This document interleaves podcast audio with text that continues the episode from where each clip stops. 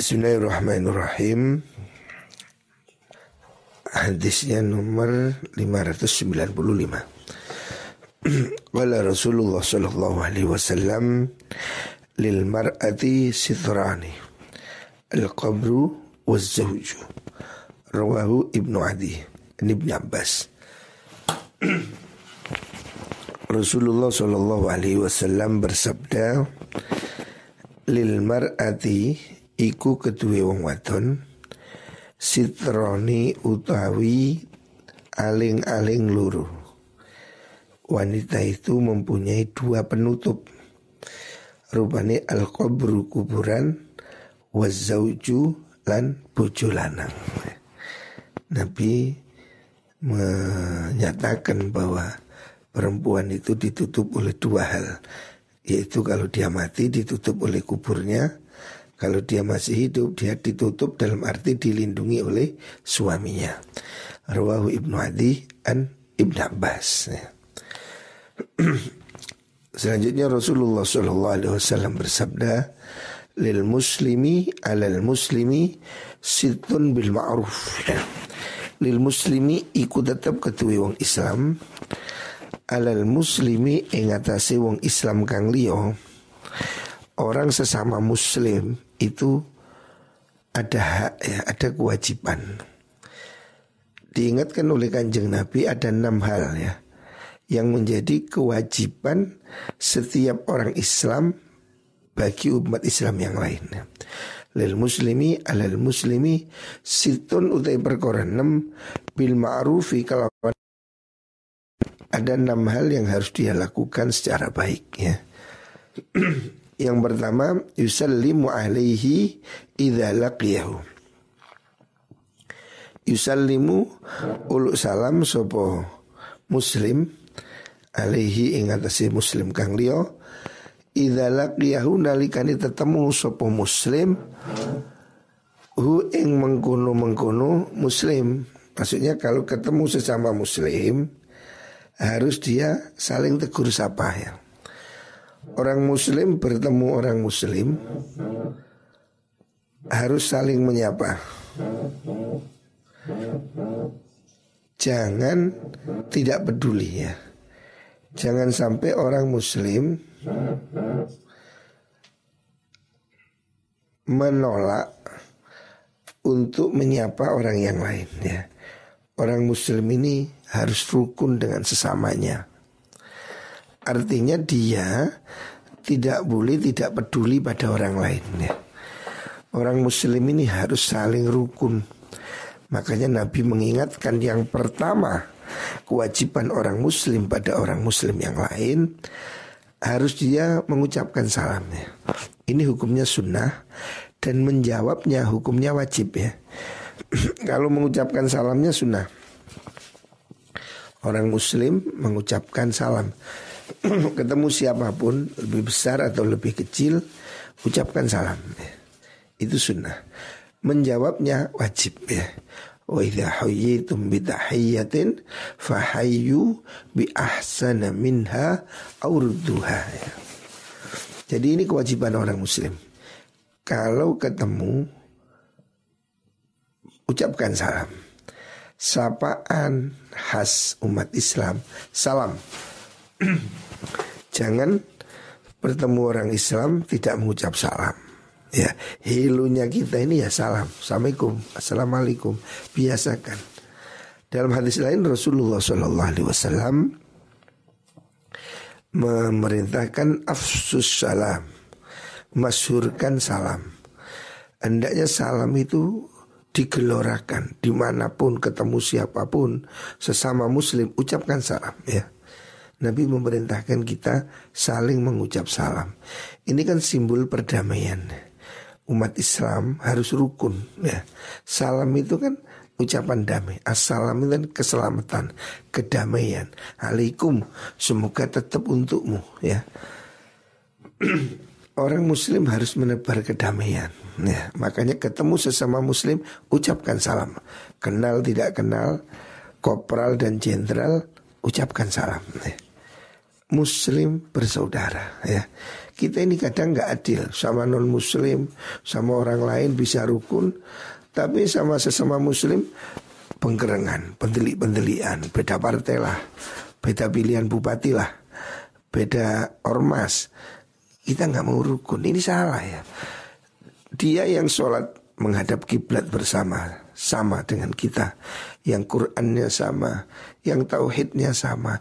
Jangan kemudian jadi musuh hanya gara-gara beda partai beda pilihan bupati ya atau beda ormas. Tidak boleh itu semua menjadi sekat ya. Ini yang kadang kita ini ironi. Dengan non muslim kita bisa baik-baik bisa toleransi tapi pada sesama muslim curiga bawaannya baper atau apa sinis ya. Tidak boleh demikian. Rasul mengatakan muslim pada muslim. Partai apa pun, ormas apa pun ya. Afiliasi politik apa pun. Selama dia muslim, kita harus berbuat baik dia ya. Sesama mukmin jangan bermusuhan. Tanda orang Islam itu kan sesama muslim itu kan harus saling mencintai ya. Muhammadur Rasulullah walladzina ma'hu asyidda'u 'alal kuffar ruhama'u bainahum ya. Jangan kebalik sesama yang non mukmin ramah sesama mukmin beda partai, beda ormas, galak ya, tidak boleh. Ketemu orang muslim siapa pun dia, mau jenggotan, mau celana cingkrang, mau sarungan, mau belangkonan, siapa pun dia seorang muslim yang sholat kiblatnya sama dengan kita, nabinya sama dengan kita, Qurannya sama dengan kita, dia saudara sudah. Hilangkan kebencian pada sesama orang muslim ya. Kita berdoa jangan sampai ada kebencian ya. Jangan qulubina. Jangan ada kedengkian kepada sesama orang beriman. Ya. Makanya supaya tidak saling benci Ucapkan salam. Sudahlah Mau beda partai Mau beda ormas Kita muslim ya. Muslim bersaudara ya. Makanya Nabi mengatakan Hak orang Islam Wajib ada yang lain ya. Anjuran Nabi. Pertama ucapkan salam. Tebarkan damai ya. Muslim bersaudara. Yang kedua Wa yujibu idha Wa yujibu lan nyembadani sapa muslim hu ing muslim kang liya idza da'ahu nalikane ngundang sapa muslim hu ing wong. Kalau kamu diundang datangilah. Nah, apalagi ini undangan walimah. Orang wajib mendatangi undangan walimah kalau tidak ada ulur kecuali kalau jauh ya kalau terlalu jauh. Tapi kalau tetangga dekat terjangkau datangi walimah itu ya pedulikan. Orang walimah itu kan seumur sekali toh. Kalau bisa ya menikah itu kan biasa satu kali seumur hidup. Lalu kita undang datang. Walimah datang. Dan makanan walimah itu berkah ya. Makanan walimah itu berkah. Datang makan ya. Kalaupun puasa Imam Ghazali bilang makan untuk menyenangkan tuan rumah. Selama ini terjangkau ya kalau yang undang di luar pulau atau luar kota yang kita tidak mampu ya. Tidak harus. Tetapi kalau tetangga saudara dekat ya datangi pernikahannya. Wa yujibu idada kalau kamu diundang datangi. Kalau kamu dipanggil noleh. Nabi itu dipanggil anak kecil aja noleh kok. Dipanggil orang miskin noleh ya. Wa yusammitu idza atasa yang ketiga kewajiban orang muslim pada sesama muslim wa yusammitu landunga akan sapa muslim hu ing akhar ida atasa nalikane uh, wahing. Kalau temannya ini wahing ya bersin itu doakan. Ini sebagai bentuk apa? Respon kita kepada teman. Ada wahing tapi hari ini orang wahing di zaman covid ini diperenguti orang. Wahing dianggap menebarkan virus. Memang harus ada etikanya ya. Wahing jangan sampai ngenai orang. Gimana? Kalau wahing tutupi ya, pakai kain, pakai tisu ya. Jangan kamu bersin kepada orang. Itu memang sangat tidak sopan. Kalau ada temanmu bersin terus dia mengucapkan alhamdulillah, maka ucapkan dia yarhamukallah, doakan dia yarhamukallah. Yang bersin menjawab lagi dengan doa yahdikumullah wa yuslih balakum. Orang Islam sesama orang Islam harus rukun ini yang penting ini. Saling mendoakan itu artinya kan harmoni ya. Ketemu ucapkan salam. Kalau dia bersin doakan ya. Bersin kan sesuatu yang refleks. Ah, doakan. Yarhamukallah. Ini harus jadi kebiasaan ya. Kita jangan terkotak-kotak Orang Islam jangan terkotak-kotak partai Ormas Apalah politik Apa pilihan pilkada Kita ini mesti memulai rukun dari diri kita sendiri ya Jangan kita ini kemudian menganut suatu sistem yang membuat kita terpisah hitam putih kawan lawan tidak boleh. Itu ideologinya Wahabi. Al-wala wal barok. Mana teman, mana lawan. Tidak bisa demikian. Bagaimana semua bisa diteman? Ya, bagaimana kita mengembangkan kedamaian dengan orang yang berbeda dengan kita. Walaupun kita mungkin tidak tidak tidak sependapat ya, tapi kita mesti bisa ketemu ya. Sesama Muslim kenapa tidak bisa ketemu? Saya bisa sholat di belakang orang beda ormas ya. Saya NU, ada orang Muhammadiyah, saya makmum dan saya merasa itu baik-baik aja. Tidak apa-apa kan? Kita di Saudi Arabia makmum sama orang Wahabi ya. Padahal Wahabi itu kan jahat ya nih, dalam tanda kutip ya. Dia ini bid'ah, ini haram, kita ini mau ini musyrik, ini apa. Tapi kita kan di Masjidil Haram ya sholat sama mereka. Mana pernah kita bikin sholat sendiri ya. Walaupun mereka ideologi fahamnya tidak sama dengan kita. Tetapi dia sholat dengan kiblat yang sama. Bertuhan pada Tuhan yang sama. Dia bertauhid.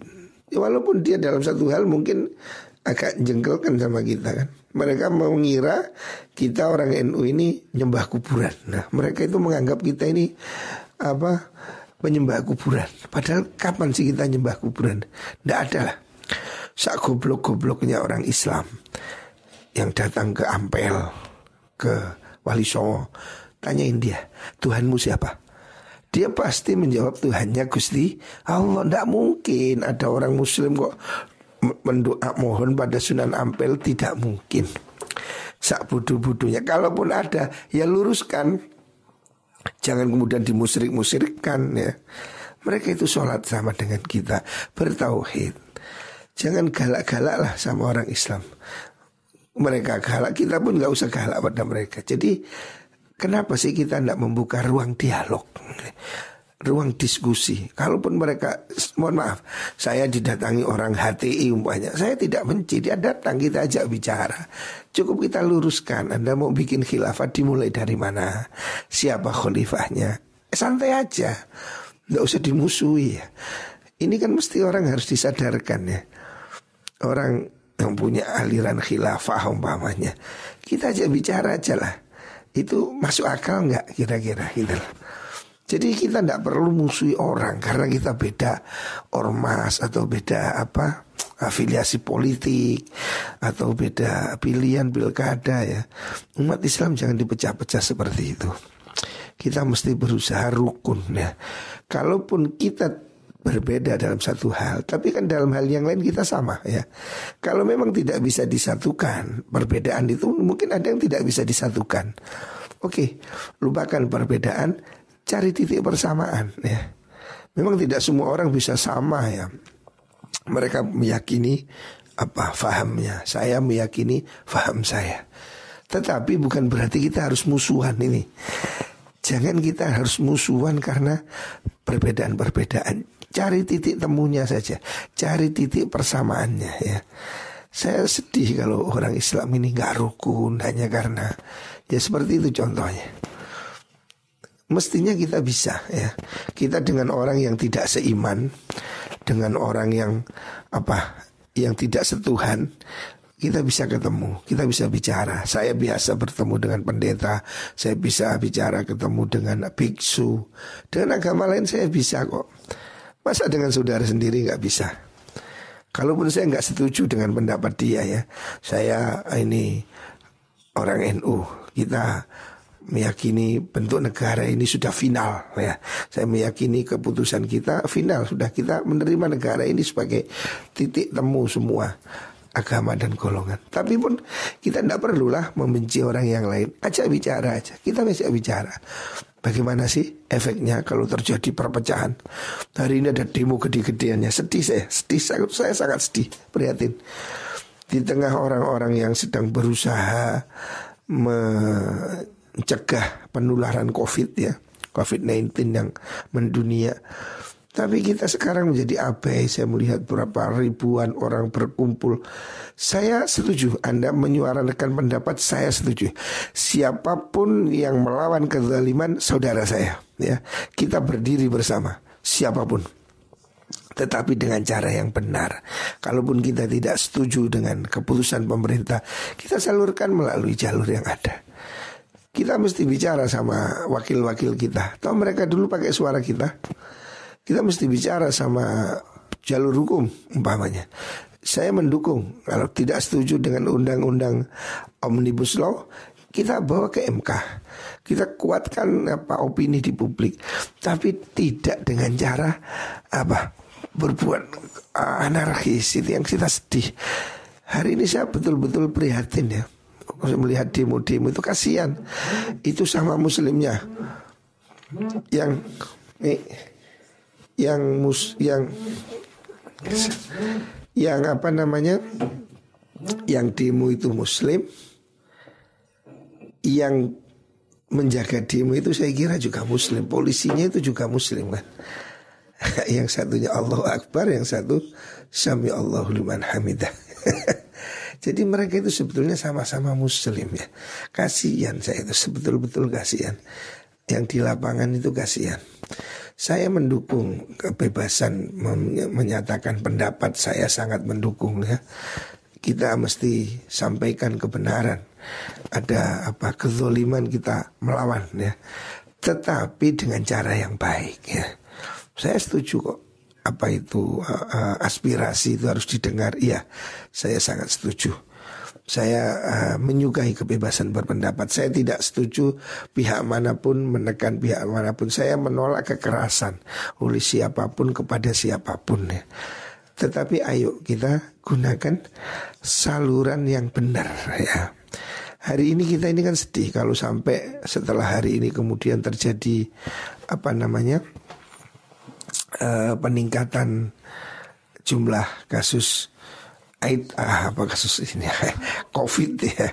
Ini kita kan akan sangat bersedih.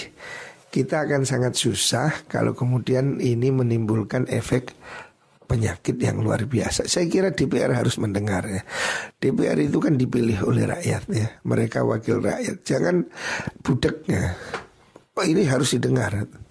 Mereka bersuara harus didengar ya. Tidak boleh ya pemerintah kemudian mengabaikan suara rakyat. Mereka dipilih oleh rakyat. Saya sangat setuju. Apa yang kurang benar kita bicarakan. Tapi jangan dengan cara kekerasan. Ya, ini tidak boleh. Saya ini eman. Dulu tahun 82 kira-kira ada kasus Tanjung Priuk. Ya. Itu kan terjadi kekerasan di mana ada demo yang ditembak oleh aparat dan menimbulkan korban jiwa. Umat Islam marah. Saya waktu itu masih kecil beberapa orang datang menemui ayah saya mengajak pemberontakan, mengajak mengangkat senjata. Apa kata ayah saya? Ayah saya bilang saya tidak mau melawan pemerintah selama dia tidak melarang saya sholat kata ayah saya. Kalau masjid tidak ditutup, kalau pondok tidak ditutup, saya tidak mau melawan. Tetapi kalau pemerintah menutup masjid kata ayah saya, saya akan angkat senjata. Dan ayah saya mengutip uh, satu ucapan Sayyidina Ali, Sultanun zulum khairun min fitnatin tadum. Pemerintahan yang brengsek, pemerintahan yang jelek itu lebih baik daripada perang kata ayah saya. Kalau perang kita tidak bisa apa-apa. Lihat Suriah, lihat Libya, perang hanya menimbulkan penderitaan. Orang sekarang di melawan pemerintah. Yang terjadi apa? Chaos kan? Mereka punya senjata, rakyat tidak punya apa. Kalau mereka ditembak, siapa korbannya? Rakyat lagi ya. Kita tidak ingin terjadi pertumpahan darah karena perang itu akan membuat penderitaan yang panjang. tidak bisa kerja, tidak bisa ibadah, tidak bisa sekolah, rumah sakit tutup ya. Hindari kekacauan. Pemerintahan yang bangsat kata ya saya saat itu. Pemerintahan yang brengsek itu lebih baik daripada perang ya. Kita harus menghindari opsi perang, opsi chaos harus dihindari. Kecuali kalau kita sudah ditekan sehingga kita tidak diberi kebebasan beragama. Kalau ini kata ya saya melawan. Kalau pesantren ini ditutup kata ya saya saya angkat senjata. Kalau masjid ditutup saya angkat senjata. Tapi kalau pesantren jalan, masjid masih dibebaskan, udahlah makan kata ya saya. Mereka yang mau rakus, mau kakain, makan aja. Kita Toh mereka tidak akan hidup selamanya. Rezim pasti tumbang. Sekuat apa rezim Fir'aun? Tumbang juga ya. Tidak ada kekuatan abadi di dunia ini. Akan tetapi Jangan kita melakukan upaya kekerasan ya. Jangan melakukan upaya Melawan pemerintah yang sah. Itu tidak boleh tetapi melakukan kritik pada pemerintah itu boleh. Bahkan Rasulullah Shallallahu Alaihi Wasallam mengatakan jihad yang terbaik ya, afdolul jihad, kalimatu hakin inda sultanin jair. Jihad terbaik itu menyampaikan kebenaran kepada pemimpin yang apa itu curang, ada pemimpin yang zalim. Itu jihad jihad yang terbesar. Tapi tidak harus dengan demo. Ya, ini masalahnya caranya aja. Oke, saya setuju. Katakan pada Pak Jokowi, tolong Pak jangan lakukan ini. Oke, saya setuju. Katakan pada Ketua DPR, Anda harus dengar suara kita. Saya setuju. Tapi saya kurang setuju dengan apa anarkisnya. Ya. Kalau adik-adik kita ini ya apa sampai bentrok dengan aparat, terjadi korban, naudzubillah, apalagi ada yang kena tembak. Ini kan bahaya sekali kalau seandainya ada satu dua penyusup menembak mereka, apa yang terjadi? Ini akan terjadi pembakaran, chaos ya, naudzubillah ya. Kita tetap ingin hidup aman ya. Kita ingin situasi aman. Sampaikan kebenaran pada pemerintah itu jihad. Betul, saya setuju. Tetapi dengan cara yang benar ya. Ayo DPR panggil. Kalau Anda dulu milih partai A, panggil dia. Anda dulu saya pilih. Dengarkan suara saya. Saya mau ini. Saya setuju PBNU mendorong judicial review. Oke. Okay. Dan kita punya anak-anak di partai. Dengarkan suara itu. Jangan datang ke kiai kalau hanya pemilu ya. Seperti ini dengarkan suara kiai, dengarkan suara ormas ya. Jangan kalau mengatasi radikalisme cari NU. Tapi kalau soal sosial di aja, nggak bisa dong. Anda harus adil. Kita bersama bangun negeri ini. Kita melawan radikalis, kita melawan melawan intoleran. Tapi saya juga melawan ketidakadilan juga ya. Kita berdiri dengan siapa pun yang melawan kezaliman. Tapi dengan cara yang baik ya. Saya setuju. Saya mendukung siapa pun yang sedang berjuang untuk menegakkan keadilan ya. Siapa pun yang melawan kezaliman saudara saya. Tetapi saya tidak di pihak yang melakukan kekerasan ya. Saya setuju suara itu sampaikan pada DPR, sampaikan pada Pak Presiden ya, siapa pun dengar suara rakyat ya. Ya mungkin ada dialog ya. Kita tidak bisa mengklaim kita paling benar atau pemerintah mesti salah ya. Enggak, saya kira kita masing-masing punya kekurangan. Kita masing-masing mungkin ya. Ada yang kita tidak mendengar secara utuh. Makanya saya menyarankan ah, demo-demo ini cukuplah jadi introspeksi. Hendaknya dewan mendengar suara rakyat, ajak mereka bicara, turunkan mereka ke daerah, dengar aspirasi, kemudian dibahas ya. Jangan berpihak pada kezaliman ya. Ini penting. Selanjutnya wa yaudu idza maridah kewajiban atau hak orang Islam pada orang Islam itu wa yaudu lan nyambangi sapa wong hu ing akhir idza maridho nalikane loro. Kalau teman sakit, walaupun sakit flu apa itu pusing atau demam datangi ya. Sampai hari ini gara-gara covid ini kita masya Allah menjadi renggang ya. Bahkan Wadul sama saya Nyari tukang mandikan jenazah hari ini sulit Takut covid Sampai kiai itu loh harus turun tangan mandikan jenazah tetangga. Pak Mudinnya nggak mau. Tetangganya takut. Ini kasihan ya. Ini kewajiban ya. Kalau orang sakit jenguk, sekarang kita ini kan takut covid, covid, covid ya. Ya kan bisa pakai standar kesehatan ya. Wa yatba'u janazat lahu idza mata. Ini hak orang Islam. Wa yatba'ulan ngiringi sebuah jenazah tahu yang jenazah muslim idza mata nalikane mati. Kalau ada orang mati datangi jenazahnya, antar sampai ke kuburan ya. Mandikan, sholatkan. Ini kewajiban. Tapi hari ini gara-gara covid ini kan susah. Saya berkali-kali juga saya sendiri jujur aja juga begitu. Kapan hari saya mau takziah banyak polisi yang nggak jadi karena ini protokol covid katanya. Ya, ya kita jadi ketakutan. Tapi saya pikir uh, ini kalau bisa ya harus di harus diminimalisir ya. Ya saya setuju kemarin Pak Muldoko, Pak Muldoko bilang jangan apa namanya dikofitkan ya. Jangan ada orang sehat yang dikofitkan. Artinya jangan semua orang mati itu terus kemudian mesti covid itu yang saya kan harus dipilah-pilah. Ada yang mungkin positif, ada kan tapi ada yang sebetulnya saya kira ya beberapa kasus yang saya dengar dan saya lihat itu sebetulnya ya ya mungkin ya kalau diduga semua orang bisa diduga ya. Tapi saya mohon jangan mudah menstigma COVID ya. Kasihan keluarganya. Kan dengan begitu orang itu di protokol COVID, itu keluarganya kan bisa dikucilkan orang. Makanya saya berharap ya jangan semua mudah menuduh COVID. Harus ada parameter yang jelas. Jangan sampai orang ini menjadi ke korban kezoliman COVID ya. Orang sakit kebakaran di COVID, orang mati kecelakaan di COVID. Nah ini kan nggak boleh. Tolong kasih kejelasan yang COVID yang sebenarnya. Dan saya sependapat ya sama teman saya, Dokter Edi, kepala forensik di Rumah Sakit Sutomo Surabaya. Orang sudah mati itu kan sudah nggak wahing, nggak bersin, kan sudah tidak menularkan. Kan dia sudah di kafani, dibungkus. Kenapa kok masih harus protokol yang sedemikian ketat?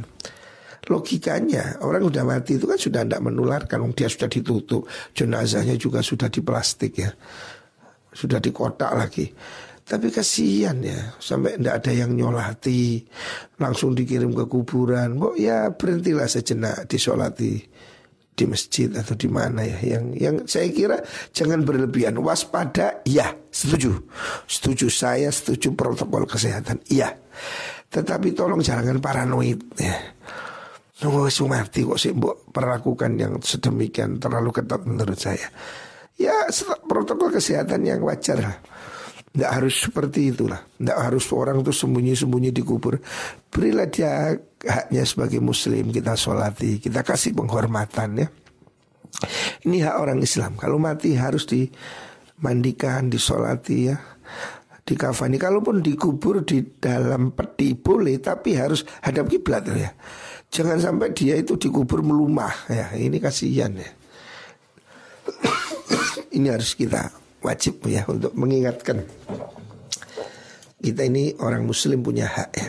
Hak dia sebagai orang muslim. Jangan kemudian covid ini membuat banyak aturan menjadi ruwet ya.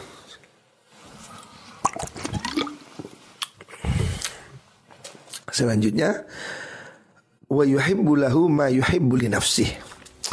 Enam hal yang diingatkan Rasulullah hak orang muslim pada muslim yang lain yang keenam adalah hendaknya dia menyukai untuk orang lain apa yang dia sukai untuk dirinya. Artinya, perlakukan orang lain seperti kamu ingin diperlakukan. Kalau kamu tidak mau disakiti, jangan menyakiti. Kalau kamu tidak mau diganggu, jangan mengganggu. Perlakukan orang lain seperti kamu ingin diperlakukan. Kita ini kan juga kepingin mendapat perlakuan yang baik. Maka lakukan orang lain seperti kamu memperlakukan dirimu sendiri. Ukuran, kalau kamu diginikan seneng nggak? Kalau saya dimaki seneng nggak? Kalau tidak seneng, jangan maki orang. Kalau kamu tidak mau di apa sakiti, jangan sakiti orang. Ukur terhadap dirimu sendiri ya, jangan semaunya. Manusia ini harus punya apa? Harus punya perasaan ya kamu digitukan mau nggak sih gitu lah Ini aturan emas. Ini apa namanya golden rule. Ini aturan emas di semua negara, di semua bangsa, di semua agama. Kalau Anda mau dihormati, hormati orang lain. Perlakukan orang lain seperti kamu ingin diperlakukan. Ini aturan emas yang berlaku di seluruh dunia ya. Dawuhnya kanjeng Nabi ini diamini oleh semua orang. Saya pernah pergi Amerika, mereka juga percaya itu. Dan saya melihat uh, di waktu saya di mana itu sekitar di Oregon ingat saya itu ditulis di sebuah apa itu prasasti jadi ungkapan-ungkapan bijak termasuk ungkapan dari Nabi Muhammad SAW perlakukan orang lain seperti kamu ingin diperlakukan itu golden rule ya. Itu aturan emas. Semua agama semua negara semua suku meyakini itu. Itu yang aturan yang ditaruh oleh Nabi 14 abad yang lalu. Dan berlaku sampai hari ini dan sampai kapan pun. Perlakukan orang lain seperti kamu ingin diperlakukan.